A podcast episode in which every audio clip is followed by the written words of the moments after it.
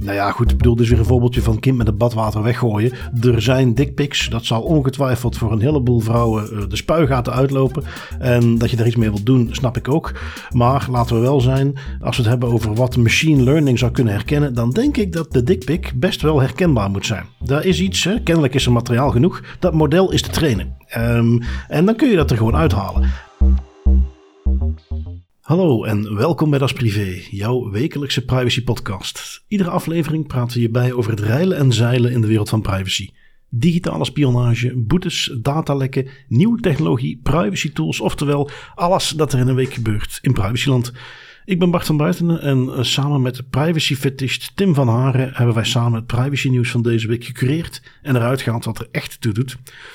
Deze week uitzonderlijk een uh, opname op maandag. Wij doen het normaal gezien op zondag, maar dat komt goed uit, want kunnen wij het uh, nieuwste onderzoek van Inti de Keukelaren, uh, Belgisch bekendste hacker denk ik, kunnen wij nog even meenemen. Die heeft gekeken naar nummerplaatherkenning en de risico's die het met zich meebrengt. Heel interessant, gaan we even bekijken. Um, er is een evaluatie van de hackwet. De Nederlandse politie heeft bepaalde hackbevoegdheden. Dat moest geëvalueerd worden. Dat heeft wat vertraging opgelopen, maar dat is er nu. Daar gaan we naar kijken wat daar uitkomt. Dan hebben we nog de Duitse versie van de dataretentiewet die door het Europese Hof wordt neergesabeld. Wat je meteen kunt doortrekken naar onze dataretentiewet in België. Slimme camera's, autoriteiten, budgetten, hun boetes en een warme oproep voor mijn privacy pointer, die ik gewoon nu al eventjes uh, meeneem, Tim. Ik pik gewoon uh, de mijne, trek ik gewoon even voor. Je hijackt gewoon de introductie. Ja, ja, ja absoluut. Hè. Een uh, community project wat ik ga opzetten. maar goed, daarover op het einde meer bij onze privacy pointers. Want eerst, Tim, heb jij een paar updates. Um, een, een, nieuw klein rubriekje dat we meenemen om dingen die we al besproken hebben en waar gewoon een kleine nieuwe ontwikkeling is, wat, wat efficiënter mee te kunnen nemen. Maar waar we jullie toch zeker niet willen onthouden als luisteraar. Een beetje opvolging van de dingen die we al besproken hebben. Dus we zullen eens zien of dat, dat vaker terug gaat komen. Maar voor nu hadden we er twee. Tim, je hebt ze op een rijtje gezet. Welke dingen viel iets nieuws over te zeggen? Ja, er uh, zijn twee topics waar een update over is. Um, de eerste is namelijk, um, en om daar misschien nog even de context bij mee te geven, hebben we het al een aantal keer meegenomen in de podcast. Europol, die krijgt een nieuwe Europol-verordening, die we namelijk ook de autoriteit geeft om bepaalde gegevens te gaan bijhouden en lang te gaan bijhouden en daar dingen mee te gaan doen. Maar er zijn bepaalde zaken die niet helemaal goed zitten, waardoor dat eigenlijk persoonsgegevens van mensen die niet per se rechtstreeks gelinkt zijn aan een misdaad, veel te lang worden bijgehouden en dat Europol doet er eigenlijk heel weinig mee. Dat is waar het op neerkomt. De European Data Protection Supervisor, de EDPS, een beetje eigenlijk de waakhond van de Europese instellingen, waaronder ook Europol, die heeft daar iets over te zeggen. Die zegt van, kijk jongens, Europol, jullie hebben een verplichting of een bevoegdheid om die gegevens voor een bepaalde periode bij te houden, maar dit is te lang, dit kan niet door de beugel, dit is niet meer verantwoord, hier moet iets aan veranderen. En dat is een beetje een, een schermutseling geweest tussen Europol aan de ene kant en de EDPS aan de andere kant. Dat gaat heen en weer. Um, het komt op een punt dat die uh, Europol Regulation, zoals het dan heet, dat die wordt aangepast. Dus die regels van dataretentie die worden ruimer gemaakt, waardoor het wel mogelijk zal zijn voor Europol om bepaalde persoonsgegevens langer bij te houden dan eerst voorzien was in de wetgeving. En EDPS gaat daar niet mee akkoord en stapt nu eigenlijk naar het Hof van Justitie. Dus dit is eigenlijk een update waar we in de toekomst waarschijnlijk nog een andere update over gaan geven, want dit bereikt nu eindelijk het Hof van Justitie, deze discussie over dataretentie van personen die ja, in aanraking komen met, met criminaliteit, of al dan niet in aanraking komen met criminaliteit. Um, over criminaliteit gesproken, de tweede update waar het eigenlijk over gaat, is de San Francisco Police Department. Die krijgt nu eindelijk volledige toegang tot private camera's. Dat, dat voorstel dat lag al een tijdje op tafel in de Amerikaanse stad San Francisco.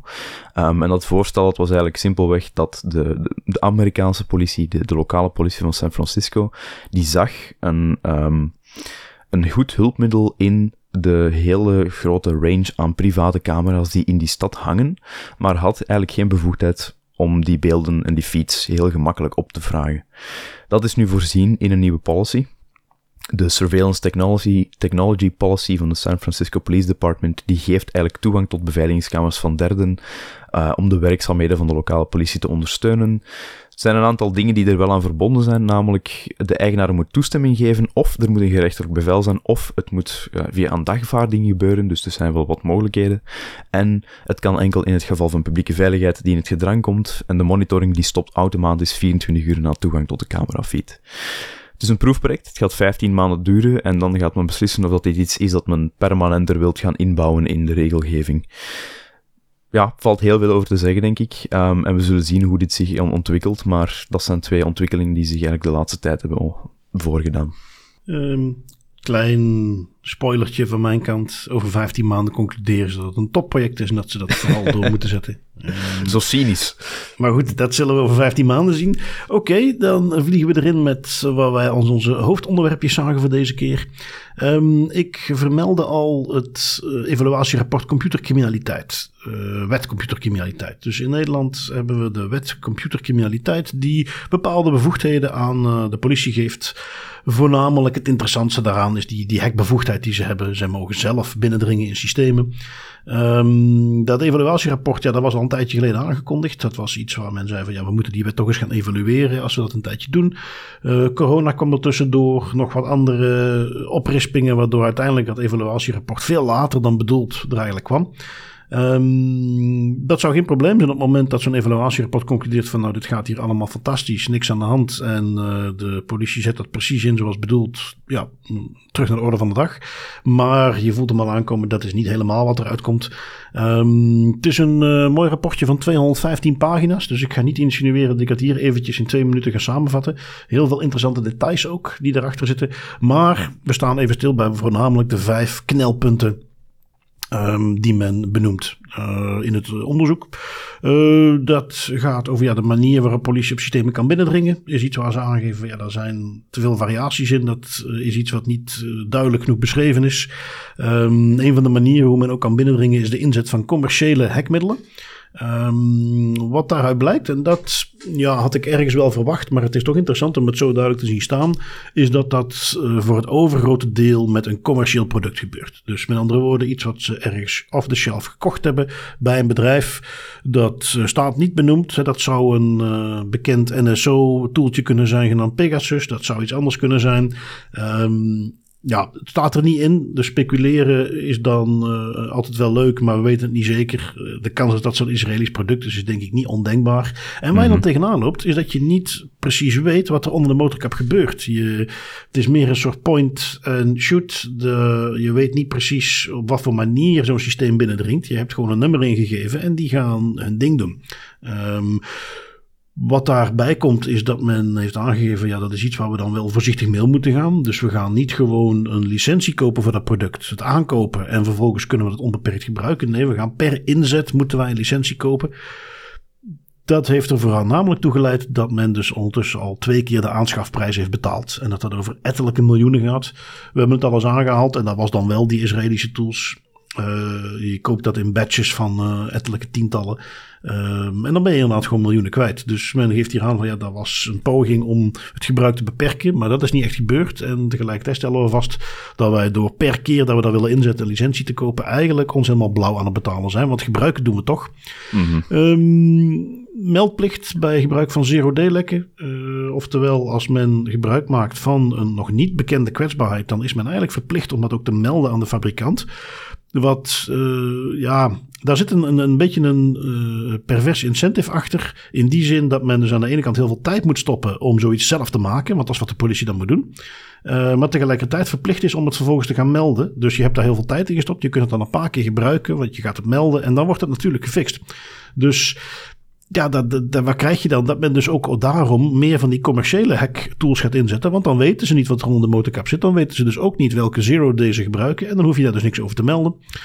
Nu goed, dan heb je een inspectiedienst die zegt, uh, daar gaan we af en toe eens even komen kijken. Die uh, constateren dingen. En de politie zegt, ja, oké, maar daar kunnen wij niks mee doen. Dat werkt voor ons niet. En ja, dan zit je in een padstelling. Kennelijk is dat ook waar het voor die inspectiedienst dan stopt. Die kunnen dat alleen maar iedere keer constateren, in een rapportje schrijven. En dan gebeurt er verder niks mee.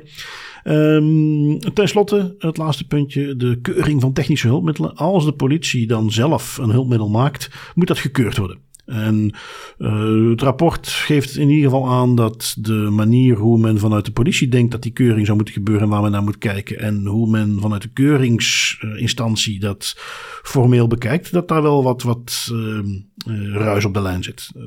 waarbij, daar kan ik uit het rapport ook niet halen, of, of kan ik er in ieder geval niet uithalen, um, wie er daarin gelijk heeft. Het kan best zijn dat die keuringsprocedure gewoon veel te lang is en, en dat dat eigenlijk daarom niet werkbaar is. Uh, maar het komt weer terug op hetzelfde. En dat is dat de politie dus eerder gaat teruggrijpen naar die commerciële hekmiddelen. Want dan is er ook geen keuring nodig, want het is niet zelf ontwikkeld. Um, ja, als je dat op een rijtje zet, dan denk ik aan de ene kant twijfel ik zeker niet aan de nood voor de politie in deze tijden om zo'n hekbevoegdheid te hebben. Maar zie je dat, omdat dat ook nog, nog redelijk nieuw is, dat de, de, inhoud en, en allemaal goed te regelen, dat dat er nog wel wat ruimte voor verbetering is. Dus het evaluatierapport, nu het dan uiteindelijk is, komt ook geen seconde te vroeg. En ik denk, um, het COC zal ongetwijfeld in België, ons toezichtorgaan, zal het ongetwijfeld ook oppikken. En eens even kijken welke van die dingen misschien één op één overgenomen kunnen worden hier. Want um, dat er commerciële tools gebruikt worden om die evidenten er maar uit te pikken, is hier ook het geval. En dus de dingen die daar spelen en de problemen die ze daar zien, die zullen hier ook wel van toepassing zijn. En uh, ja, benieuwd of wij daar dan ook eh, in België zo'nzelfde soort rapportje van te zien krijgen. Ja, dat zou heel interessant zijn, hè, want dat is een, een, um, een focus topic, een topic of interest dat wij al een aantal keer ook hebben aangehaald als het gaat over hakbevoegdheden die worden ingezet door politionele instanties. Niet alleen in Nederland en België, maar ook internationaal. Een van de zaken waar um, kritische blikken altijd tegenaan lopen, en dus hier blijkbaar ook, is dat bij de inzet van die commerciële hackmiddelen, waaronder al dan niet eh, iets zoals de, de Pegasus-tool van NSO of een andere Israëlische hackingmiddel, dat dat heel vaak gaat om blackbox tools. Dus tools waar men eigenlijk wel goed gebruik van kan maken en de, de resultaten van kan krijgen die men eigenlijk wilt bereiken, maar dat men eigenlijk niet altijd heel goed weet wat het er naast het beoogde resultaat nog meer gebeurt met de data die op dat moment verzameld wordt of met de toegangen die op dat moment verschaft worden. Wat dat zeker in de context van uh, politionele activiteiten en hackbevoegdheden echt wel iets is dat je wilt, wilt uh, in check houden. Hè. Je wilt dat zo transparant mogelijk kunnen doen. Je wilt uh, aan je verantwoordingsplichten kunnen voldoen. En dat gaat niet altijd als je met tools werkt waarvan je niet 100% zeker weet wat er nog verder mee gebeurt onder de motorkap, wat jij eigenlijk als gebruiker of als instantie die gebruik maakt van die tools ziet. Um, dus ik vind dat daar een aantal heel interessante dingen in staan in het rapport, die echt bevestigen wat we al een aantal keer hebben gezien en hebben gehoord, ook in de podcast. En um, ik hoop dat men hier ook iets mee gaat doen, want dat klinkt misschien een beetje tegenstrijdig, maar ik, ik ben persoonlijk wel een heel groot fan van uh, het uitoefenen van hackbevoegdheden op een proportionele en gerichte manier. Net omdat het vaak een gerichte actie is en niet gaat om massasurveillance of het bijhouden en verwerken van gigantische hoeveelheden data met een hackbevoegdheid. Als je die goed inzet en die wordt op de juiste en transparante manier gebruikt, dan is dat een heel krachtig middel dat de politie um, een zeer goed wapen geeft om, om criminaliteit tegen te gaan op een zeer gerichte, gefocuste manier. Um, dus in die zin hoop ik dat hier ook echt wel dingen mee gebeuren met die rapporten, want het zou heel jammer zijn als het eigenlijk in het gedrang komt en men dan gaat teruggrijpen naar, naar brutere middelen, bij wijze van spreken. Ja, en, en, de uitdaging hier is, je kunt van tevoren natuurlijk niet altijd helemaal inschatten wat gaan precies de gevolgen zijn van de inzet van dit soort middelen. We hebben ze nodig, we moeten ons politiewerk kunnen doen. Dit is een tool waar we daarbij kunnen inzetten, dat snap ik. Um, dat je dat ook niet, ik bedoel, je kunt van tevoren regels opstellen, maar uh, ja, voortschrijdend inzicht, je gaat dat niet altijd van tevoren perfect kunnen anticiperen. Dus je moet dat daarna evalueren. Nou, hier al meteen het risico dat het eigenlijk veel te laat gebeurde. Um, mm -hmm. En dat is iets wat dan bij ons uh, ook zou kunnen. Um, ja, voor de rest, uh, ik denk dat het inderdaad iets is wat gewoon goed opgevolgd moet worden. Waar je niet te lang moet laten liggen, want dat is wat je hier wel een beetje proeft. Nee. Dat dat eigenlijk ja. veel eerder had gekund. Um, dus dat is iets waar we misschien ook opnieuw hier in België uh, een stapje voor kunnen zijn. Um, waarbij, en ja goed, uh, privacy, andere privacy mensen die mogen ons daar zeker op corrigeren. Maar ja, ik ben niet tegen de inzet van zo'n hekbevoegdheid. absoluut, jij ook niet. Um, het hoort er gewoon bij, maar laten we zorgen dat het goed gebeurt. Um, even zien, wat hebben we dan? Ja, dus die hebben we nog net op de valreep mee kunnen nemen. Ik heb hem vanochtend, uh, kwam die voorbij. Uh, werd ook al meteen getipt in, de, in onze Element community. Um, Inti de Keukelaren. Uh, ja, ik noem het in de intro al. Ik denk dat dat toch zeker klopt. Belgisch bekendste hacker. Die heeft in het verleden al vaker ook de internationale pers gehaald. Is nu, um, voor zover ik weet, heel erg verbonden aan Integrity. Dat is het bug bounty platform uh, van Belgische makelij. heel leuk, interessant ja, als, als bedrijf en wat ze doen. maar goed, af en toe heeft hij ook nog wat hobbyprojectjes. En dit is dus zijn laatste hobbyprojectje, gepubliceerd op de notmyplate.com website. Um, ik herinner me, en toen zag ik het ook voorbij komen. Ik zat helaas niet in de geselecteerde doelgroep. Um, een paar maanden geleden lanceerde hij een oproep op Twitter, geloof ik. Van ja, ik zoek wel mensen die mee willen doen aan een experiment. Um, het heeft iets te maken met uh, hoe ik jouw auto ga tracken. Uh, Oké, goed. Alle mensen hebben kennelijk aangemeld. Um, wat nu blijkt, ik dacht eigenlijk die gaat uh, met uh, Tesla's en dat soort dingen gaat die proberen om in, in daar binnen te komen en daar data uit te halen of zo. Want er zijn allemaal steeds meer, um, ja, allemaal geautomatiseerd. zit meer toeters en bellen aan software in. Daar bleek het niet te zijn. Um, eigenlijk hebben ze met iets minder hekwerk en meer het betere OSINT-werk Um, dus open source intelligence, oftewel dingen die gewoon vanuit het internet te halen zijn. Uh, heeft hij een soort tracking systeem opgezet om nummerplaten te gaan detecteren van dan die testpopulatie van 120 personen. En heeft daar drie manieren voor gebruikt om dat te gaan doen. En het idee was dus, kan ik op basis van gewoon een nummerplaat mensen gaan tracken? Um, drie manieren hoe hij dat ging doen. Uh, eerste manier, um, je kent wellicht wel die verschillende die verschillende appjes die je hebt, um, waarbij je dan kunt registreren om te betalen.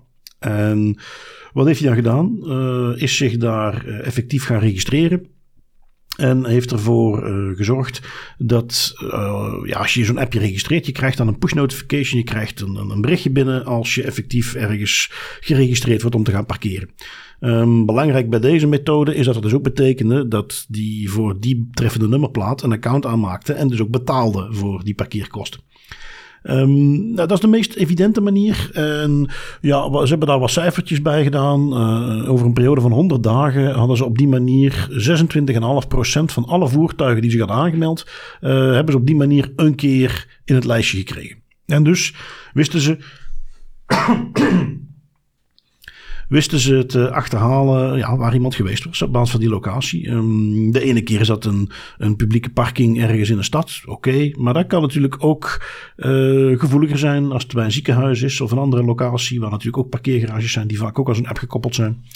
Dat is manier 1.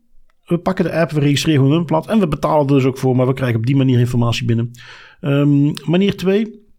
Je weet wellicht, uh, je kunt op sommige plekken kun je gratis parkeren. Uh, of ook niet gratis parkeren, maar dan moet je ook je nummerplaat ingeven. Um, en dan krijg je je ticket, leg je dan neer. Op die manier gebeurt het dan. Um, als je dat gratis wil doen, je kunt op de meeste betaalautomaten, parkeerautomaten, kun je variëren van een kwartiertje tot 30 minuten kun je gratis parkeren. Je volgt hetzelfde procedé, je geeft je nummerplaat in, je zegt dan ik wil de gratis parkeertermijn en dan leg je dat briefje leg je weer in je autoruit. Um, wel, daar wordt wel bijgehouden als je zo'n gratis sessie hebt gedaan. Dus dan is er ergens, dan wordt per dag gereset. Dus je kunt maximaal één keer per dag zo'n gratis sessie doen. En wat die dan maakte, is binnen een bepaalde stad een toeltje waarmee die kon gaan opvragen: kan ik deze nummerplaat nog registreren? En als je dan die foutmelding kreeg, dan wist je: ah, kijk, vandaag is hier dus iemand op deze locatie geweest, want ik kan daar niet meer gratis registreren. Um, ja, dat is al wat meer werk. Hè. Dan, dan moet je dat echt al op bepaalde locaties. Uh, hij heeft daar zelf een toeltje voor geschreven. Hè. Dan komt de hacker in hem toch weer boven om dat te gaan checken. Plate scan heeft hij dat genoemd. En dan heeft hij dus op een bepaalde locatie, heeft hij dat in een videootje nog laten zien. Registreert daar zijn auto en krijgt bijna meteen een pop-up op zijn telefoon. Um, uh, als hij dat dan laat lopen, omdat dus ergens dan in die tool geregistreerd is. Deze nummerplaat heeft hij nu gestaan. En als je dat dan nog eens probeert, krijg je een foutmelding. Um, laatste methode. Je kunt bij veel van die apps ook registreren en dan uh, data eruit trekken. Uh, of om bij je werkgever in te dienen, uh, historieken. Um, en op sommige daarvan kun je dus ook voor een onbeperkt aantal nummerplaten kon je dat vervolgens gaan registreren.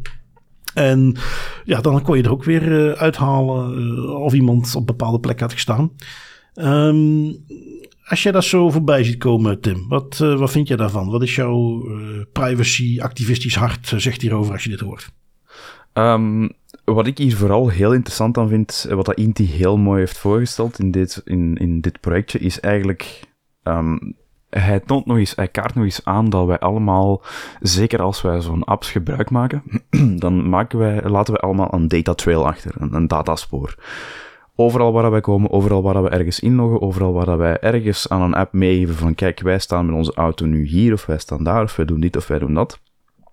Laten wij een spoor na digitaal. En hij, Inti, toont nu nog eens heel mooi aan dat het niet al te moeilijk is om dat spoor na te gaan. Uh, dat denk ik dat echt de, de mooie boodschap is die hier wordt meegebracht. Nu, over de impact. Um, ik moet toegeven dat wat ik het meest indrukwekkend vind, is het, het eerste. Echt het hijacken door het zelf te registreren in de app en dan die push notifications te gebruiken om te gaan bepalen wanneer, waar dat iemand is en zo eigenlijk iemand te volgen. Redelijk met, een soort van, ja, dat is bijna een live feed van updates van waar dat iemand zijn auto op dat moment zich bevindt. Um, dat vind ik de, nog de meest bruikbare van de drie, denk ik, waar je iets mee kan gaan doen. De andere twee zijn een heel mooi proof of concept zie ik wel minder risico's in. Het, is, het werkt met trial and error. Je kunt betaaldata van apps gaan downloaden. Dat is natuurlijk ook nuttige informatie. Maar ik vind de, de meest impactvolle manier van de drie waar je echt wel iemand mee kan gaan traceren, is de eerste. Des te meer nog omdat je eigenlijk um, ja, die nummerplaat kunt registreren in de app, ook al is dat niet jouw auto of jouw nummerplaat. Dat vind ik vooral een hele frappante, dat je eigenlijk andere mensen hun nummerplaat en dus ook informatie gelinkt aan die nummerplaat kan binnenkrijgen door die te registreren. Oké, het kost je natuurlijk wel wat euro's, want jij moet dan ook natuurlijk betalen voor alle keren dat ze ergens voorbij passeren en een camera dat oppikt.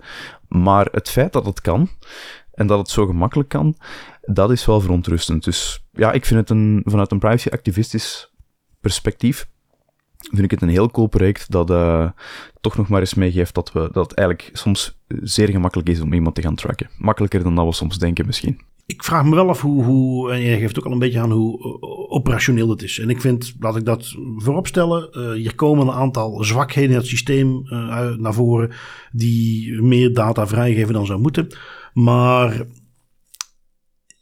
Kijk, eh, Inti is Inti natuurlijk. Die heeft het opgezet. Die krijgt dat van elkaar. Uh, heeft misschien zelf nog een paar mensen die daarbij hebben geholpen.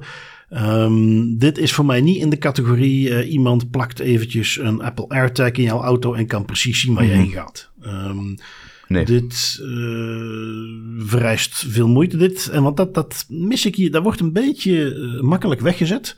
Um, de kostprijs van die belangrijkste manier. Want je betaalt dus wel voor mensen hun parkeerkosten. Op het moment dat je je dus zelf registreert in die apps.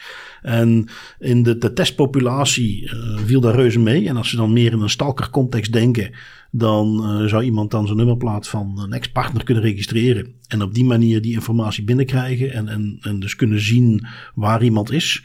Um, ik probeer het me te bedenken. Ja, je weet, je, je krijgt waarschijnlijk krijg je al een berichtje als je ergens binnenrijdt. Dus op dat moment is er toch wel een behoorlijke window waarop iemand daar dan heen zou kunnen gaan. En, en daar zie ik toch wel, daar zit echt een risico in. Um, ja, voor de rest, uh, die andere, ik, ik vond het wat een tikkeltje underwhelming. Uh, want, en dat is het is tegenwoordig te populair om dit soort dingen te vinden. Dat wordt nu gepubliceerd. En ik ben benieuwd, want het is nu pas sinds vanochtend. Hè, um, wordt dit weer zo'n klassieke hype, waar dan weer een aantal nieuwsorganisaties weer nieuwsartikelen aan gaan wijden. En alles open en bloot. Uh, uh, je nummerplaat en je locaties liggen op straat. Ja, als je dan bekijkt hoe hij het heeft gedaan, dat is niet zo. Hè. Dit is niet ook iets wat iedereen zomaar kan doen. Um, Eén ding, en dat vond ik uh, echt wel een, een minder aspect aan het project. Er wordt ook een soort oplossing aangedragen. Uh, het is te zeggen, er wordt een formuliertje ter beschikking gesteld waar mensen dan hun rechten kunnen uitoefenen. Het recht op beperking, het recht op inzage. En dan wordt er geautomatiseerd, wordt er een mailtje gestuurd uh, naar, eh, afhankelijk van welk land je kiest. Als je België kiest, dan worden naar de, vier of vijf grootste parkeeruitbaters, uh, wordt naar de DPO mailtje gestuurd van nou, ik ben Jan Jansen, dit is mijn nummerplaat en ik wil graag dat de gegevens niet meer verwerkt worden. Ik wil ook inzage uitoefenen. Um, en ik probeerde dat ook via Twitter alles mee te geven, maar ik kreeg een reactie van Inti die mij doet denken, die krijgt veel te vaak als hij zoiets publiceert, duizenden replies en doet dan een soort happy peppy antwoordje erop, maar negeert het voor de rest gewoon. En dat snap ik ook wel. Um, maar ik zit vaak aan de ontvangende kant van dat soort berichtjes. Als DPO of, of als mensen mij daarover contacteren, hoe moeten we hierop reageren? Um, en, en ja, dit gaat waarschijnlijk nergens heen. Uh, als iemand mij een mailtje stuurt, ja, dit is mijn nummerplaat, gelieve al mijn gegevens te verwijderen. Dan, ja, ten eerste als die in het systeem zit, ik ga dat niet doen. Want ik weet natuurlijk niet of iemand daar achter zit die daar wel of niks mee te maken heeft. Die misschien gestalkt wordt. En ik zie gewoon in een systeem waar betaalgegevens in staan, die ik wettelijk moet bijhouden van mijn boekhouding komt iemand ineens vragen, gooi daar weg. Ja, dat ga ik niet doen. Dus ik ga ten eerste terugsturen van oké, dankjewel. Maar ja, ik ga toch eerst even moeten weten dat jij wel effectief de houder van die nummerplaat bent, voor ik zomaar gegevens mm ga weggooien. Um, en dan nog gaat het in veel gevallen niet zomaar kunnen, want zij moeten dat boekhoudkundig bij kunnen houden. Dus dat vond ik, dat vond ik wel minder. Uh, op zijn minst daar even een disclaimertje bij zetten. Uh, wat de beperkingen zijn. Van ja, hou er rekening mee. Dit mailtje is stap 1. Maar eigenlijk, als je niet op dezelfde manier dit weer wilt gaan gebruiken. Als ook weer een manier om informatie te krijgen. Want zo kun je het ook gaan misbruiken. Ik zeg gewoon, ik ben de eigenaar van die nummerplaat. Daar kunnen ze toch niet valideren wat mijn naam is. Gelieve mij even die info te geven. En misschien nu, onder druk door deze publicaties, gaan dat soort bedrijven dan daar heel snel op in willen gaan. En krijg je op die manier weer extra gegevens uh, te pakken. Um, dus ja, ik zou daar graag iets, iets terug willen zien wat toch een beetje aangeeft van ja, dat is altijd maar het begin van een proces en hou er rekening mee dat je je moet identificeren. Um, want mijn ervaring met heel veel van dit soort toeltjes is, je krijgt het dan binnen, um, vervolgens stuur je een mailtje terug, oké, dankjewel, uh, maar ik heb nog even die en die info nodig en je hoort niks meer. En dan ben je van een heleboel mensen een heleboel tijd aan het verspillen. En vaak zijn de indieners ook nog eens gefrustreerd, want die GDPR is niks waard, want ik kan mijn rechten toch niet uitoefenen. En ja, dat is de kanttekening die ik hier wat bij maak. Uh, leuk project. Ik vind het minder sexy dan andere dingen die hij wel eens heeft gedaan. Ik uh, mis een beetje de algemene constatering van ja, dit is eigenlijk niet zomaar uit te buiten. Um, maar tegelijkertijd, ja, is, het is gewoon een terechte constatering. Hè. Dat, dat, dat is veel te wijd verspreid. Het is nog steeds te makkelijk. En dat brengt mij bij het laatste, wat ik toch ook zeker even mee wil geven. Eh, want behalve dan dat GDPR-formuliertje, waar ik niet zo'n fan van ben, uh, komt die ook wel met concrete uh, verbeteringen. Uh, de ene al wat makkelijker en logischer dan de andere. Dus een eerste aanbeveling die ik in, het, in de whitepaper zie staan, is dat dat soort aanbieders van apps en dergelijke, die moeten bewijs gaan vragen van eigenaarschap van de nummerplaat. Waarbij die mm -hmm. zelf ook al constateert, ja, dat is misschien niet de, de handigste. En dan ga je nog meer gegevens aan die lui doorgeven. Um, is ook niet erg efficiënt, niet erg gebruiksvriendelijk. Dus nou, dat, dat het staat er wel in, maar wordt in de beschrijving ervan zelf ook al meegegeven. Dat is niet de beste optie. Voor de rest zitten er een paar dingen in die eigenlijk ook redelijk makkelijk toe te passen zijn. En die denk ik het risico veel verder gaan beperken. Um, je moet geen dubbele registratie kunnen doen, wat op veel plekken nog kan. Dus als iemand zelf als een appje heeft geregistreerd, zou je dat als het ware kunnen overnemen. Ja, dat kan niet de bedoeling zijn. Uh, het feit dat één gebruiker 50 nummerplaten aan zich kan koppelen, dat is ook redelijk makkelijk af te vangen, dat je dat een beetje moet beperken. Uh, dan zijn laatste idee, wat ik eigenlijk misschien ook de beste vind uit de lijst. Ik ga ze ook niet allemaal overlopen, maar dat is het opstellen van een soort Robinson-lijst. Waarbij die zegt van kijk, dit zijn nummerplaten, mensen kunnen zich daarvoor aanmelden. En dan moet je nooit geregistreerd kunnen worden in zo'n systeem. Um, hier mm -hmm. ook weer, als je je daarop aanmeldt, ja, ik kan ook om mensen een beetje te gaan irriteren, kan ik vervolgens iedere denkbare nummerplaat gaan registreren. En ja, wat dan? Uh, dus moet je daar ook weer een soort van verificatie gaan doen. Waar dat met de Robinson als met telefoonnummers natuurlijk veel makkelijker is. Waar het overigens ook niet goed zat. Daar hebben wij in een van onze eerste afleveringen, heeft een van onze luisteraars dan nog eens mee aan het knoeien geweest. Um, maar dan goed, dan zou je nog een sms'je kunnen sturen ter verificatie. En dan, oké, op die manier heb je dat nog redelijk afgedekt. Maar ja, met een auto is dat al een stuk moeilijker. Dus um, die aanbevelingen, ja, mocht hier iemand luisteren die bij zo'n parkeerentiteit werkt, daar moet je zeker eens naar kijken. Daar zitten een paar quick wins tussen. Voor de rest, uh, goed naar awareness toe. Uh, zeker een risico wat aangekaart wordt. Ik hoop dat de hype train hier niet al te hard gaat rijden, want super schokkend vind ik het ook niet. Nee, Nee, inderdaad. Ehm, als, als je dit soort nieuws en dit soort projecten behandelt met de nodige nuance, dan is het fantastisch en dan dient het echt wel zijn doel. Als je nu moord en brand gaat schrijven, omdat men denkt dat iedereen nu elkaars auto kan gaan traceren op een heel gemakkelijke, gebruiksvriendelijke manier, dat is het ook niet. En dat komt, dat, daar heb je wel gelijk in, dat komt denk ik nog niet zo goed genoeg terug in de projectomschrijving zoals het nu is. Hoe dan ook, ik blijf het wel altijd cool vinden, omdat... Um, ik heb al eens gezegd dat dit soort projecten geeft nog eens mooi weer dat wij allemaal een dataspoor achterlaten. En dat is iets dat wij heel snel vergeten of heel snel naar het achterhoofd duwen. Maar uh, dit is een mooie reminder van alles wat wij doen, zeker digitaal, laat iets na. En met de juiste middelen en met de juiste kennis van zaken kan je dat gebruiken of misbruiken zelfs. Uh, roept ook de vraag op dat als een particulier dit kan, wat kan dan eigenlijk een, een big tech bedrijf of een, een bedrijf dat zich specialiseert in het verzamelen van dit soort data of het opkopen van dit soort data om allemaal te gaan samenvatten. Hè? Dat is dat is nog een aparte discussie. Als, als Inti al mensen kan gaan tracken. En Inti is natuurlijk niet de minste, maar wat dan met een gigantisch bedrijf dat daar heel veel mankracht achter kan zetten en heel veel technologie. Dat is ook iets om in het achterhoofd te houden. Um, ook nog eens een gigantische shout-out natuurlijk naar onze Element Community lid Sea Dragon. Altijd leuk om zo'n naam te kunnen gebruiken in de podcast. Uh, voor het melden van dit, van dit nieuwtje net voordat we aan de podcast begonnen. En dan gaan we naadloos door naar dataretentiewetgeving. Weet je, eigenlijk denk ik dat we daar niet nog eens helemaal overlopen uh, waar het ook alweer over gaat. Want het komt al zo vaak voorbij. Uh, Het komt gewoon neer op met allerlei slinkse trucjes proberen allerlei overheden in Europa om het voor elkaar te krijgen dat zij voor x aantal perioden, de ene al wat langer dan de andere, alle telefonie en bijbehorende data kunnen bijhouden. En dat wordt keer op keer op keer neergesabeld bij het Europees Hof uiteindelijk. Iedere keer gaat dat door het mooie democratisch proces in het land, wordt dat ook goedgekeurd door parlementen. Uh, ondanks dat daar heel veel protest tegen is. En uiteindelijk wordt het dan weer aangevochten door privacyactivisten zoals de Ministry of Privacy of de Liga voor de Mensenrechten.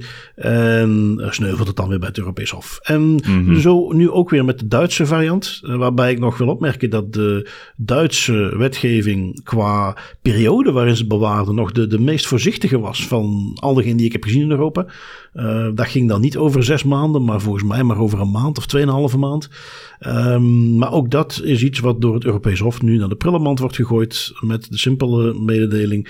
Wij hebben het al heel vaak gezegd. Alleen voor zware bedreigingen naar de nationale veiligheid zou je dit soort dingen kunnen doen. Voor de rest zijn er maar een heel beperkt aantal uitzonderingen. En betekent concreet dat op het moment dat jij uh, buiten die uitzonderingen van heel de bevolking, voor welke periode dan ook, al hun telefonie en locatiedata gaat bijhouden, dat kan niet. Nou, en dat is iets wat ze nu ook weer doen. En dus dat wordt echt een soort repeat after me. Je mag niet ongediscrimineerd van alle burgers hun data opslaan alsof het allemaal potentieel criminelen zijn. Um, want ja, dat, dat, dat lijkt men vanuit de overheid maar niet mee te nemen. En belangrijkste wat we dan hier ook mogen concluderen, want de Belgische variant van de dataretentiewetgeving die nu ja, als een tweede lezing heeft, dacht ik, uh, en die langzaam toch richting goedkeuring ging, ja, die kan eigenlijk meteen weer naar de prullenmand, want daar zit hetzelfde probleem zit daar nog steeds in. En dan is het dus wachten tot iemand die ook weer naar het Europees Hof neemt. Um, ja, ik, ik, ik, weet niet wat er verder nog voor nodig is om overheden te laten inzien van wat jullie hier willen doen. Het gaat gewoon niet op die manier kunnen. Je moet met iets anders komen. Ja, ik, ik hoop oprecht dat dat de boodschap is die ook de Belgische overheid nu binnenkrijgt als men dit uh, arrest eigenlijk gaat bekijken. Is namelijk, wat we willen doen is niet aanvaardbaar en gaat dat ook zeker in de voorzienbare toekomst niet worden. En dat men ook gewoon stopt met dat er toch proberen door te krijgen op een of andere slinkse wijze en met genoeg vaagheid over de inhoud van die dataretentiewetgeving. Want ja, het is gewoon te invasief en het is zeer moeilijk om zoiets te verantwoorden. Er zijn betere middelen, er zijn betere manieren om dat soort um, doelen te gaan bereiken, en namelijk het bestrijden van misdaad. We hebben dat al heel vaak gezien van zodra dat jij politionele instellingen een zee aan data geeft, dan verdrinken die daarin. Want die weten ook niet wat die daarmee moeten doen. Dat is, die krijgen een gigantische hoeveelheid data. Ze proberen daarin te gaan zoeken wat ze nodig hebben. Het is te veel, het blijft te lang liggen, het is onhoudbaar, er is te weinig personeel. Er zijn zoveel redenen waarom dit een slecht idee is, los van het feit dat het ook een gigantische invasie is op iedereen zijn en haar privacy. We spreken niet over het verzamelen van, van miljoenen mensen hun gegevens die eigenlijk nooit in aanraking zijn gekomen met criminaliteit en die eigenlijk als bijvangst dienen om dan ergens 1 op de 100 of 1 op de miljoen te kunnen gaan pakken dat is niet proportioneel. Er zijn betere manieren om dat te doen, denk ik. Ja, dat denk ik ook. Dat denk ik ook. Dus ja, goed. Uh, op naar hoofdstukje 260 van de data-retentie-saga ja. als ze hier weer mee terugkomen. Maar dus weer een voorbeeldje van nu de Duitse versie die neergesabeld is. Um, wat hebben wij nog meegenomen? Een soort van update, maar deze is alweer wat langer geleden. Um, De aandachtige luisteraars herinneren zich wellicht de Universiteit Leiden, waar men in coronatijden camera's ging installeren om, en dat was dan afhankelijk van uh, of men je goed informeerde intern, denk ik, uh, om gewoon wat mensen te tellen, maar uiteindelijk effectief ook de uh, camera's erop te zetten. In ieder geval, dat had aardig wat voet in de aarde. Dat is op een gegeven moment ook stopgezet.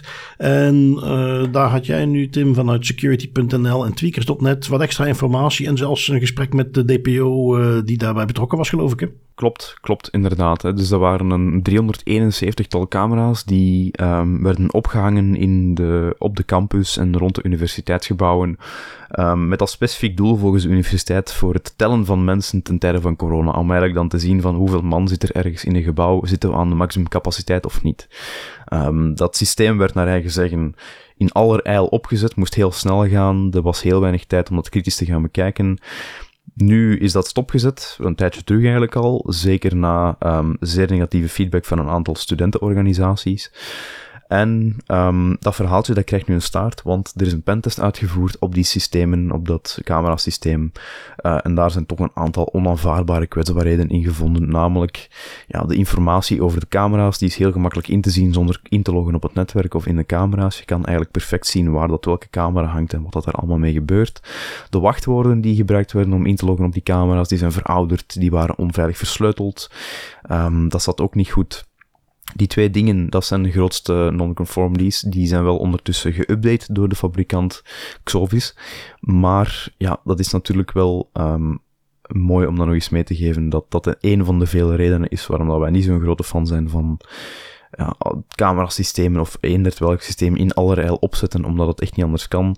Het is beter om je tijd te nemen en om eigenlijk te gaan kijken. En ook iets wat ik heel interessant vond aan die pentest, is die pentest heeft eigenlijk alleen gekeken naar um, outsider threats. Dus, dus um, dreigingen, bedreigingen die van buitenaf komen. Hackers die proberen in te loggen op de camera's, die, proberen om data te stelen of binnen te geraken op het netwerk via die camera's. En men heeft specifiek niet gekeken naar insider threats, um, de, de bedreigingen van binnenaf. Toch wel een topic dat de laatste weken op de podcast ook elke keer weer naar boven is gekomen. Mensen die de toegangen die zij krijgen voor het uitvoeren van hun functie misbruiken um, voor eigen gewin of voor andere mensen om die data door te verkopen. Of gewoon soms uit nieuwsgierigheid met zonder al te slechte bedoelingen, maar het is nog altijd niet aanvaardbaar. Insider threats. Um, de Universiteit Leiden heeft daar eigenlijk simpelweg van gezegd, en dat is letterlijk een quote uit het artikel, uh, kwetsbaarheden die zich aan de binnenkant bevinden, maar die niet op afstand te misbruiken zijn, achten wij een verwaarloosbaar risico. En ja, ik vind dat een... Um, ik kan niet zeggen dom, maar ik vind dat een ondoordacht statement. Want als je kijkt naar de meeste, niet de meeste, maar als je kijkt naar het aantal um, misbruiken van data of het misbruiken van camerabeelden of het aantal keren dat er een datalek zich voordoet omdat er iemand zich onterecht toegang verschaft van binnenaf zonder op afstand in te loggen op een netwerk, dat is enorm veel. Er zijn heel veel insider threat voorvallen die zich voordoen. Zeker de laatste maanden. Ik weet niet of het is omdat wij daar nu uh, meer op letten of omdat het um, voor de een of andere reden allemaal samenkomt, maar in de podcast hebben we het echt al veel meegenomen, de insider threats. Dus om dan te zeggen dat het een verwaarloosbaar risico is, zou ik toch wel eens nog eens gaan kijken naar uw threat model, want er werken heel veel mensen binnen de Universiteit Leiden en ja, het is geen kwestie van te vertrouwen, maar het is ook een kwestie van te verifiëren dat die allemaal wel netjes gebruik maken van hun toegang tot die camerasystemen. Daarnaast, dus je hebt dat pentestrapport, daarnaast de DPO van de Universiteit Leiden, die had daar ook nog wat van te zeggen. Die zei namelijk, um, initieel had hij gezegd, dat er voor het installeren van die 371 camera's, dat daar geen Data Protection Impact Assessment nodig is, wat dat eigenlijk altijd wel verplicht is als je zo camerasystemen gaat installeren, zeker voor het monitoren van de doorgangen van een universiteitscampus. Dat kan bijna niet dat je geen DPA gaat doen. Um, nu, om, om hem meteen ook een beetje te verdedigen, ik kan dat best begrijpen. Uh, ik ben ook uh, adjunct DPO bij Brussels Airport Company. Het krijgen van informatie zeker in de, in functie van DPO, is soms ontzettend lastig. Hè. Soms dan krijg je maar een half verhaal, moet je op basis daarvan met heel veel druk van de organisatie je snel een advies geven over wat er moet gebeuren, want men wil voort. Coronacrisis is in volle gang, de studenten moeten terug op de campus kunnen zijn. Ja, je kunt het u wel voorstellen dat die DPO misschien niet alle informatie kreeg die nodig was om een goed advies te kunnen geven over het al dan niet uitvoeren van een DPIA en daardoor initieel zei dat er een, geen DPIA moest worden uitgevoerd en daar dus nu op terugkomt. Hij geeft dat ook toe. Hij zegt van, oké ja, fout advies. Eigenlijk moest hier een DPA voor worden uitgevoerd. Uh, wat ik ook mooi vind dat je dat kan toegeven en ook mooi dat hij dat nu nog altijd aangeeft van, kijk, nu moet er zeker een DPA voor worden uitgevoerd. Stel dat de Universiteit Leiden, die daar nog geen beslissing over heeft genomen, zegt wij willen die camerasystemen terug gaan gebruiken, voor welke reden dan ook, dan moet er op zijn minst een impact assessment worden uitgevoerd om te gaan kijken of dat de privacy van de betrokkenen wel gewaarborgd wordt. Dus al bel inderdaad een, een um, iets grotere update dan de eerste twee van deze podcast. Een aantal coole ontwikkelingen wel. En um, ik ben vooral benieuwd wat er nu gaat gebeuren. Of wat de Universiteit Leiden zegt, gaan we die camerasystemen wel gaan blijven gebruiken? En als ze dan ook die DPIA doen. En met een beetje geluk kunnen we die DPIA dan ook eens opvragen en eens kijken wat er eigenlijk allemaal aan de hand is. Ja, inderdaad. Um, uiteindelijk een beetje het. Uh, en in die zin is het inderdaad leuk om daar wat transparantie rond te zien. Het klassieke verhaal van ook uh, voor een stukje DPO, hoe die daarmee te maken krijgt. Is trouwens iemand die, uh, zeker als hij daar die ruimte heeft om daar wat transparant over te zijn, ik zou die wel eens willen spreken voor een discours. Om dat eens te overlopen, hoe dat gaat. Ook een beetje die, ja, hoe, hoe dat voor zo'n DPO is. Want iets wat nu wellicht nog wat minder naar boven komt, maar is inderdaad hoe dat in de praktijk gegaan zou zijn. Hoe die waarschijnlijk ook niet voldoende informatie heeft gehad om dat goed in te schatten. Um, want als je al informatie meteen netjes gepresenteerd krijgt, dan is het niet moeilijk om te zeggen: hier moet een DPIA voor uitgevoerd worden. Dus um, lijkt me een interessante. En ja, goed, uiteindelijk eh, is dit wel iets wat uh, toch redelijk snel teruggefloten werd uh, nadat het naar buiten kwam, wat die dingen allemaal deden.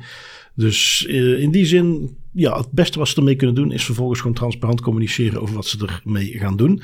Ja. Um, want anders krijgen ze de AP achter zich aan. En een AP, de autoriteit persoonsgegevens, die beetje tegen de verwachtingen in binnenkort wel eens wat meer middelen zou gaan uh, krijgen om daar ook actie mee te ondernemen. Um, recente statistieken die ze gepubliceerd hebben, die zijn redelijk dramatisch. Hè? Uh, de hoeveelheid van de klachten die ze effectief behandelen, dat is 0, punt nog wat procent. De hoeveelheid van uh, de gemelde datalekken die ze effectief gaan onderzoeken is vergelijkbaar. Um, heeft ook te maken met dat er natuurlijk gewoon heel erg veel zijn, maar ook met dat er gewoon niet genoeg mee gebeurt of niet genoeg prioriteit aangegeven wordt. In ieder geval geeft de AP een hele tijd aan.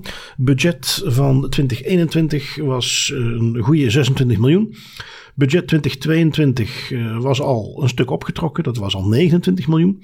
Maar de komende jaren gaat dat dus blijven stijgen. Waarbij ze uiteindelijk in 2026, dus over een goede drie jaar, op 41 miljoen uit gaan komen. Um, ik kan me wel voorstellen als jij dan de gegevensbeschermingsautoriteit in België bent, dat je een beetje het deskend achterover valt als je dit dan voorbij ziet komen. Want mm -hmm. de GBA die heeft te horen gekregen dat ze geen budget meer gaan krijgen. Uh, quizvraagje Tim, weet jij nog wat het werkingsbudget was van de GBA voor 2020? Oh nee, dat, uh, daar is het veel te vroeg voor, voor die quizvraag ook, Bart. Nee, dat, dat weet ik echt niet meer van buiten, nee. Ja, dat was uh, net geen 9 miljoen. Um, zeg dat daar uh, ja, misschien okay. een miljoentje bij is gekomen. Laten we het eventjes lekker naar boven afronden. Inflatie 2022, budget van 10 miljoen dan uh, als je het dan weer gaat vergelijken wel, want daar komt eigenlijk een beetje een soort stop op uh, in België. Daar gaat niet heel veel bij komen, if at all. Um, en dan zit je dus over een paar jaar met een autoriteit persoonsgegevens, waar je natuurlijk, uh, zeg eventjes afgerond, anderhalf keer het inwonersaantal hebt en vier keer het budget. En dat zegt het allemaal, hè? Dat zegt het allemaal en dat geeft misschien ook aan, nog duidelijker dan de andere acties die men uithaalt, dat kennelijk er in België ja, mensen of politici niet op zitten te wachten om een sterke toezichthouder te hebben. Ja, ik, uh, hoe langer hoe meer vrees daar inderdaad ook voor, ook als we zien naar hoe dat, dat allemaal loopt, uh, die ondertussen bijna een politieke oorlog is geworden in, met de GBA en de overheden, met de, de directeurskwesties daar. Het lijkt inderdaad wel alsof men de, de GBA een klein beetje wilt afzwakken en, en niet wilt laten uitgroeien tot de autoriteit die het eigenlijk zou kunnen zijn, wat dat heel jammer is. Als we kijken naar andere landen, hoe dat zij het aanpakken, um, ja, het grootste voorbeeld dat we kunnen geven van een autoriteit die echt zeer sterk in haar schoenen staat en die fixe, alleen mooie dingen verwezenlijkt, dan is het wel de AIPD. Die een handhavingsstrategie, die is op zijn minst gezegd agressief te noemen en efficiënt. Dus ik ben heel benieuwd wat de AP daarmee gaat doen, hè, want een van de stukken kritiek die de AP altijd heeft gekregen, elke keer als het vroeg om meer budget, is namelijk dat zij met het geld dat ze vandaag de dag hebben, ontzettend inefficiënt omgaan. En ik vraag me nu af van, ja, oké, als, als er een aantal miljoen bij komt en als men dat stelselmatig gaat verhogen, dat budget, um, of men dan ook de efficiëntie gaat aanpakken, want dat is toch wel een punt van kritiek dat elke keer naar boven komt dat de AP um, inderdaad een zeer laag ratio heeft van, van succesvolle uh, onderzoeken en uitspraken. En dat dat eigenlijk niet in verhouding staat met het budget dat zij op dat moment hebben. Dus ik hoop gewoon dat ze naast het feit dat ze meer budget krijgen, natuurlijk ook nog gaan blijven werken aan die efficiëntie. Ja, ja want uh, kennelijk, dat heb ik zelfs niet nagekeken, maar ik geloof het graag. In het artikeltje bij Tweaker stond ook dat in Europa, alleen in Italië, gerekend naar inwonersaantal relatief, um, alleen in Italië er meer budget is voor de toezichthouder. Dus dan is ja. Nederland uh, met de AP, is de AP in, in Europa de op één na best gefinancierde toezichthouder als je dan ziet wat eruit komt, dan valt er wel iets op aan te merken. En dan denk ik vooral aan het stukje eh, guidance. Um, ik, ik, uh, ja, daar komt eigenlijk heel erg weinig uit. Ik noem maar eventjes het eerste wat natuurlijk in me opkomt, is die Google Analytics eh, guide die ze gemaakt hebben, hoe je dat privacyvriendelijk kunt instellen, waarvan iedereen die ook maar een heel klein beetje privacyland een beetje volgt, weet dat dat gewoon niet meer kan. Google Analytics is verboden uh, in de huidige opzet, uh, zelfs met die privacy settings die zij in hun guide hebben. En toch zijn ze nog niet verder gekomen tot nu toe dan een klein meldingetje met erbij te zetten van, goh, let op, deze melding is mogelijk niet meer actueel of, of of binnenkort wordt er mogelijk een uitspraak gedaan over eh, gebruik Google Analytics, zoiets. Maar dus uh, ja, uh, meer dan een soort waarschuwing van goh, let op, dit kon veranderen, zit er niet bij. En verder dat zijn ze niet gekomen. Um, ook het aantal zaken wat ze voorbij laten komen, als ik dat vergelijk met onze autoriteit dat is toch best schrijnend. Dus uh, die zullen wellicht op allerlei andere dingen inzetten en misschien ook meer achter de schermen. Maar toch, um, ja, ik opnieuw, als je bij de GBA zit, dan uh, moet dit een hele pijnlijke constatering zijn. En daar mm -hmm. gaan wij gewoon ja. lekker op onze manier zoveel mogelijk aandacht voor vragen. Want Um, ongetwijfeld zijn er heel veel overheidsentiteiten die uh, roepen dat ze meer budget nodig hebben. En dat zal ook vaak kloppen. Maar uh, de GBA misschien omdat ik een beetje beroepsgedeformeerd ben, uh, mag voor mij toch echt wel uh, er aanzienlijk wat budget bij krijgen. Um, nee, nee, Bart, puur de GBA heeft meer budget nodig, dat is een feit, daar gaan we niet over discussiëren. Louter objectieve vaststelling. Louter objectief. Um, wat hebben we nog? Even zien, je hebt er eentje meegenomen van Instagram. Instagram gaat naakt weren in direct messages. Yes. Ben benieuwd. Ja, inderdaad. Um, was iets dat ik tot voor kort ook... Well, ik had het natuurlijk wel kunnen raden, maar blijkbaar een van de dingen waar vooral vrouwen een probleem mee hebben op Instagram, um, is dat zij wel eens af en toe geconfronteerd worden met ongewenste naaktfoto's. Er zijn heel veel vrouwen die dat voor hebben, dat zij hun, hun direct messages op Instagram bijvoorbeeld open doen, en dat daar een penis op hun zit te wachten die ze niet hadden verwacht. En dat is zo, dat is zo danig geëscaleerd dat Meta op een bepaald moment ook heeft gezegd van oké, okay, fijn, wij gaan hier iets aan doen, want dit kan niet meer door de beugel. Wij gaan aan een, um, een soort scanningssysteem werken waarmee dat je eigenlijk de, de foto's die je binnenkrijgt kan scannen op naaktbeelden en dan de naaktbeelden eruit kan filteren, zodat je daar niet mee geconfronteerd wordt en je enkel nog de gewone, normale foto's die je eigenlijk wenst te zien binnenkrijgt in je DM's. Ik ging meteen stijgeren. Ik had zoiets van, ja, hier gaan we weer. Meta gaat alles gaan scannen, gaat al die data ook veel te lang gaan bijhouden. Daar gaat van alles anders mee gebeuren. Maar ik moet toegeven, in dit geval lijkt het, ik ben voorzichtig positief, het lijkt wel um, op een mooi verhaal uit te draaien, want wat Instagram gaat doen, wat Meta gaat doen, is zij gaan het scanningsmodel op uw device zetten. Ze gaan eigenlijk uw on-device processing gaan toepassen, dus op uw, op uw smartphone of op uw tablet. Um, de scanning laten uitvoeren, zodat die foto's niet gescand worden op de servers van Instagram. Dus als jij een foto krijgt, een naaktbeeld, dan komt dat binnen in jouw DM's en wordt dat op jouw eigen device gescand. En als het een naaktbeeld is, dan wordt dat geblurred of verwijderd. Dat, daar, zijn, daar is me nog niet uit hoe dat men dat gaat aanpakken. Uh, maar op die manier zorgt men er eigenlijk voor dat Instagram geen naaktbeelden op zijn servers gaat, gaat scannen en gaat verwerken of gaat verwijderen. Wat dat ik wel op zich een, een mooie toepassing vind. Hè. Als het goed is, mag het ook wel eens gezegd worden. Het feit dat uh, Instagram hier de moeite doet om on-device processing te gaan toepassen, dat is wel iets dat, dat positief is en dat ook wel eens gezegd mag worden. Het is absoluut een, typische privacy-enhancing technology, uh, waarbij de on-device processing. Um, maar Waar ik wel moeite mee heb, is dat nu dat soort bedrijven, in dit geval dus um, uh, Instagram, die gaan bepalen of wij wel of niet naaktfoto's naar elkaar mogen sturen. En Tim, het is niet dat wij dat doen, het is niet dat wij gebruik maken van Instagram, maar als jij en ik daar allebei volledig uh, vol bewustzijn en met toestemming naar elkaar naaktfoto's willen sturen, dan moet dat kunnen. En daar, uh, dit, is er dan eentje en dan komen er nog. En voor je het weet, heeft ineens Big Tech voor ons besloten wat wij wel en niet naar elkaar mogen sturen. Um, wat ik veel liever zou zien is dat men, uh, nou ja, goed, ik bedoel, dit is weer een voorbeeldje van kind met het badwater weggooien. Er zijn dickpics, dat zal ongetwijfeld voor een heleboel vrouwen uh, de spuigaten uitlopen. En dat je daar iets mee wilt doen, snap ik ook. Maar laten we wel zijn, als we het hebben over wat machine learning zou kunnen herkennen, dan denk ik dat de dickpic best wel herkenbaar moet zijn. Daar is iets, hè, kennelijk is er materiaal genoeg, dat model is te trainen. Um, en dan kun je dat er gewoon uithalen. En dan in plaats daarvan te gaan zeggen, weet je wat, we gaan een, een, een model trainen wat gewoon naakt toekoer gaat herkennen. En dat gaan we even in alle DM's er standaard uitgooien.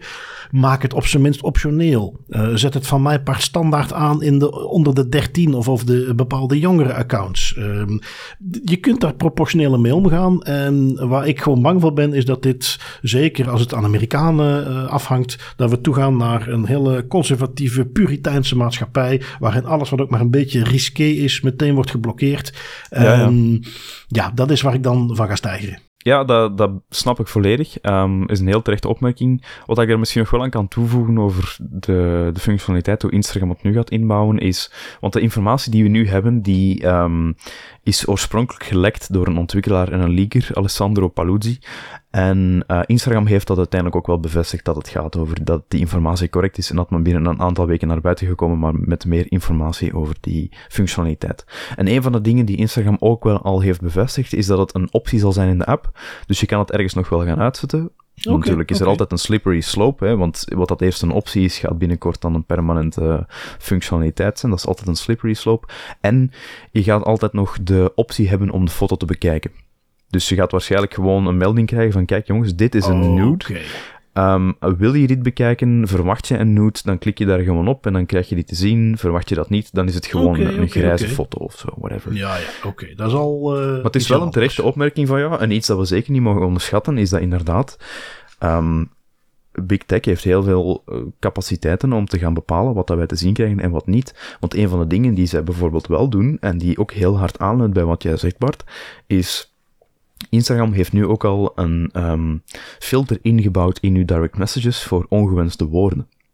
Dus woordgebruik kan ook beïnvloed worden door, door Big Tech. Ik denk, ik weet niet, dat weet ik niet zeker, dat stond niet in het artikel, of dat dat optioneel is, of dat dat volledig verplicht is, maar bepaalde woorden, net zoals dat men het grappig genoeg in China doet, worden dus ook geweerd en worden gecensureerd op uw uh, messaging-platformen. Ah, ja. ja, wel, ik ben daar toevallig een, een voorbeeldje van tegengekomen recent. Uh, ik wil nog wel eens een spelletje spelen. Een van de spelletjes waar ik een paar maanden geleden in meegesleurd ben, is League of Legends. Voor uh, sommigen ongetwijfeld niet ongekend.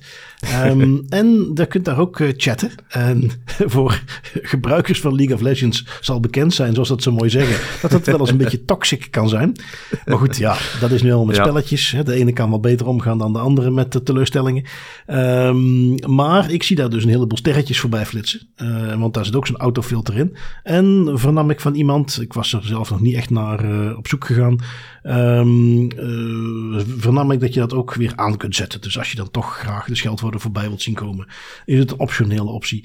Uh, ik moet toegeven, dan kan ik weer even van mijn paard afspringen op het moment dat het volledig optioneel is en je in die zin het ook nog gewoon aan kunt klikken, dan is dat alweer iets anders. Instagram gonna Instagram of Meta gonna Meta. Ik ben wel benieuwd of ze het dan kunnen laten om te gaan bijhouden welke gebruikers dat wel of niet activeren. Uh, ah. En daar weer extra profiling op doen van hey, deze houdt wel van een dikpik op zijn tijd. Uh, en daar mee gaan doen. Ja. Daar had, ik, daar had ik inderdaad nog niet over nagedacht, maar dat opent dan weer wel veel perspectieven voor Meta om ook die informatie te gaan verzamelen. Hè? Ja, ja, en laat het maar aan hen over. Daar weten ze vast wel iets ja, ja. te bedenken. Inderdaad. Ja, maar ja, ja, nog even als klein uitstapje. Maar die, je kunt het toch op twee vingers natellen dat iets is wat ze naar adverteerders toe gaan willen meegeven. Uh, staat open voor erotische afbeeldingen. Tuurlijk. En dan zijn er natuurlijk een heleboel uh, adverteerders die daar wel iets mee willen doen. Dus, uh, maar goed, ja, ach, een beetje aangeboren cynisme. Het is niet alsof Meta dat niet verdiend heeft. Ehm, maar benieuwd of dat inderdaad over een paar jaar dan naar buiten komt als ze die informatie ook weer aan het verkopen waren. Um, ja, rond dan een beetje open deuren van Big Tech. Um, er was een uh, artikeltje wat op Tweakers zat, wat ging over de spellingscontrole. Iets wat denk ik Um, ja, iedereen wel kan bedenken. Uh, Tim, als ik in Chrome die pop-up krijg van een pagina, wil je deze pagina laten vertalen? Wat denk je dat er dan gebeurt op de achtergrond? Ja, dan wordt dat natuurlijk netjes doorgestuurd naar allerlei servers. Uiteraard. Um, en ja, als er dan op die pagina die je laat vertalen ook een wachtwoord staat of andere gevoelige gegevens, ja, dan gaat het mm -hmm. ook naar die servers toe. En ja, uh, we kennen natuurlijk uh, de voorbeeldjes van uh, een paar jaar geleden, 2019, toen zo naar buiten kwam dat zowel Siri als Alexa als Google Assistant, dat die om hun product te verbeteren ook regelmatig door uh, externe mensen de tekst of de, de, de, geluidsopnames lieten horen. En dat daar dus ook voorbeelden bekend waren van mensen die zeiden: Ja, ik ben ingehuurd om uit te gaan schrijven wat ik op zo'n fragment hoor, zodat ze dat kunnen verbeteren. Maar ik hoorde daar gewoon bekenden voorbij komen. Um, ja, je kunt er dus natuurlijk op wachten tot uh, hier ook blijkt dat die data nog voor andere dingen gebruikt wordt. Um, er blijkt een functie in te zitten die webontwikkelaars kunnen gebruiken, uh, waarmee je hem kunt uitsluiten. Uh, een simpele, op bepaalde velden kun je een tag meegeven. Spelcheck is false. En dan zou die niet meelopen. Um, dus ja, dat is misschien nog een concrete uh, das privé, das beter tip voor webontwikkelaars. Geef gevoelige velden automatisch die tag mee. Dan loopt die ook niet mee in de vertaaldingen van uh, dus het Edge en Chrome. Um, heb je daar weer een extra risicootje afgedicht. Um, dus ja, uh, dat uh, als klein open deur van iets waar weer data mee verzameld wordt. Um, springen wij meteen even door naar de datalekken die we nog hebben. Um, ik heb er eentje en eigenlijk, omdat er ook er is nog weinig informatie over bekend, uh, ik vond hem voor de rest niet zo spannend. Op één uitzondering na, datalek van American Airlines. Die iemand is in een e-mail phishing getrapt en daar weten ze dat er dus een data breach is. De omvang is niet helemaal bekend. Maar er is één ding dat mij gigantisch triggerde. Um, omdat ik het ondertussen zo vaak voorbij heb zien komen. Dat er dan stond. Er is geen bewijs dat de data ook effectief is misbruikt. Of dan de, de formele zin. No evidence that the exposed data was misused. Maar varianten van die zitten in bijna iedere melding. Er is geen bewijs dat er misbruik is geweest van uw gegevens. Wat ze eigenlijk bedoelen als ze dat zeggen is. Wij hebben logging en andere tools die ons zouden toelaten. Om echt zeker te weten of er iemand aan die data is geweest. Ja, die hebben we niet. Dus we kunnen nu alleen maar zeggen, ja, we hebben geen bewijs dat er misbruik van is. Maar ja, we hebben ook geen bewijs dat er geen misbruik van is. Dus dat is de meest nietszeggende zin in alle datalekmeldingen die ik al ooit heb gekregen. En daar moeten we eigenlijk eens gewoon mee stoppen. Of je vertelt wat je echt zeker weet. Of je vertelt wat de risico's zijn, omdat je het niet zeker weet. Maar die klassieke zin van ja, er is geen bewijs dat de data misbruikt is. Ja, nee, nee, tenzij jullie een uh, ultieme scanmogelijkheid hebben op het dark web en op alle datalekken ooit ga je dat ook niet kunnen verzamelen. Je zult ervoor moeten zorgen dat je kunt bewijzen dat er iemand aan heeft gezeten met de juiste logs en authentication mechanismes, noem maar op. Dat is wat ik wil zien en ik wil die zin dus eigenlijk niet meer terug zien komen in datalekmeldingen blij dat, je, blij dat ik niet de enige ben die er echt een pet peeve van heeft gemaakt om daar echt zeer geïrriteerd van te worden. Want het is, het is exact wat je zegt. Ik was, ik was perfect hetzelfde aan het denken. Hè.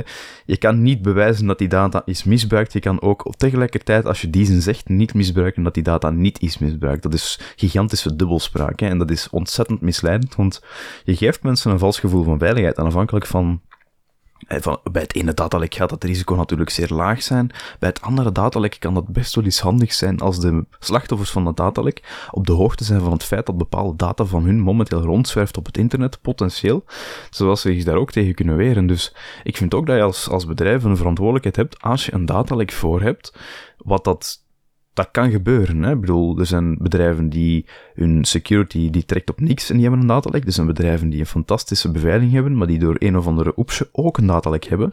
Dat is niet per se een punt van schaamte automatisch. Um, maar om dan niet eerlijk te zijn en misleidend te zijn in je communicatie naar de slachtoffers toe, want dat zijn het uiteindelijk, dat is uh, onvergeeflijk. En, en daar, ja, daar maak ik ook echt een probleem van. Absoluut. Um, we hebben nog een paar datalekken. Um, meer van hetzelfde ergens natuurlijk. Ik stel voor dat we ze eventjes rap overlopen. Um, ja. Je hebt er nog eentje uit Portugal. Ja, inderdaad. De grootste lucht, Portugese luchtvaartmaatschappij TAP, die is, um, ja, die, die slachtoffer geworden van een ransomware aanval. Vijf miljoen mensen, hun gegevens zijn gestolen daar. En daar gaat het over, ja, de traditionele gegevens die je moet ingeven als je een vlucht wilt boeken. Namen, geboortedata, e-mailadressen, geslacht, nationaliteit, telefoonnummers, taal, adresgegevens en aanhef. Um, misschien om daar interessant om nog mee te geven, wat dat echt iets typisch is dat we vandaag de dag veel zien bij die datalekken. Die datalekken worden tegenwoordig veel ingegeven in Have I Been Boned, de website van Troy Hunt, waar al die een soort van central repository om te gaan kijken of dat je al ergens betrokken bent bij een ander datalek met die gegevens. Um, en van de 5 miljoen mensen die nu betrokken zijn bij die datalek, was er al 72% die bij een ander datalek betrokken was. Wat dat echt absurd veel is als je erover nadenkt. Dus die gegevens die waren eigenlijk al ergens anders gelekt. Dus op den duur ga je gewoon echt ja, naar, de, naar bijna naar de 100%. En is iedereen zijn data wel ergens gelekt. Inderdaad, vooral die e-mailadressen. Um, even zien, ik had er nog eentje van een school. Uh, op security.nl gaat het over een uh, school die deed een migratie. Dus een school in Amersfoort die deed een migratie. Die ging namelijk van Google gingen ze over naar Microsoft. Als je het hebt van de regen naar de drup. Um, wat deed men dan in die migratie? Ja, dan werden natuurlijk ook alle bestanden overgezet.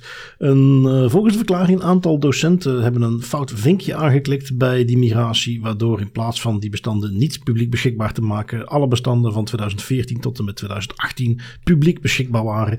Uh, ongetwijfeld inclusief heel veel gevoelige gegevens over leerlingen. Um, en uh, concreet resultaat, de school was gewoon twee dagen dicht om het te fixen. Dus waarschijnlijk tot groot jolijt van een aantal leerlingen. Maar ergens natuurlijk heel erg slecht dat, uh, dat op die manier een verkeerd vinkje bij de eindgebruiker, waarvan je weet dat kan toch gebeuren, dat weet toch iedereen die zo'n migratie doet. Um, en ja, twee dagen de school dicht. Ik bedoel, in tijden waarin we na corona toch al aardig wat leerachterstand hebben. Het zal misschien niet op die twee dagen aankomen, maar die hadden toch ook aanzienlijk mm -hmm. interessanter ingezet kunnen worden. Dus ja, dat uh, is iets waar ze waarschijnlijk nog wel eventjes uh, naar, tegenaan zullen blijven lopen om wat recht te zetten. Um, en dan heb jij er eentje, ik moet toegeven, dat klinkt veelbelovend jij hebt wat je zegt een contender voor Oepsje van het jaar. Um, wat hebben we? Ja, we hebben de bank Morgan Stanley, toch niet de kleinste bank in Amerika. Uh, die krijgen een boete opgelegd van 35 miljoen dollar van de beursvakant SEC. Omdat ze eigenlijk echt een heel dom datalek hebben voorgehad. En waar gaat dat over? Um, waarom ik ook zeg van het is het oepsje van het jaar, ja, ik kan er gewoon niet bij dat Morgan Stanley zoiets heeft gedaan. Dat is een bank, dat is een financiële instelling, die zijn onderhevig aan heel veel regulering. En ze hebben het toch voor elkaar gekregen om, um, ze hebben een aantal keer een verhuis, uh, bedrijf ingehuurd voor het verhuizen van, van kantoorgebouwen, van computers, laptops. en bij die verhuis zijn ook een aantal harde schijven meege meegenomen door het verhuisbedrijf. Morgan Stanley heeft op een bepaald moment aangegeven aan het verhuis- en opslagbedrijf van kijk, wij kunnen niks meer doen met die harde schijven, verwijder ze maar netjes en doe er maar mee wat je wilt. Dat verhuisbedrijf heeft op, uh, vervolgens er niets beters op gevonden dan die harde schijven zonder ze te wipen. Um, om die te gaan verkopen op een veiling. Die zijn opgekocht en daar stonden nog uh, ja, klantgegevens op van duizenden mensen. Um, alles van ja, contactgegevens, financiële gegevens, rekeningnummers, uh, allemaal data die je niet wilt als je naar een bank gaat, dat die in handen komt van andere mensen. Die werd dus door een verhuisbedrijf, door nalatigheid van Morgan Stanley, by the way, um, doorverkocht aan een veilingbedrijf en zo opgekocht door een particulier die er wel geïnteresseerd in was. Gewoon super stom. Ja, en het is Amerika natuurlijk. Dus die data zit nu al bij ontelbare databrokers. Um, dus ja, nee, goed. Uh, de, ja, de, serieuze boete. Dus in die zin heeft de SEC dan toch uh, van leeggetrokken. Misschien, ja, onze autoriteiten wat lokaler. You will respect my authority!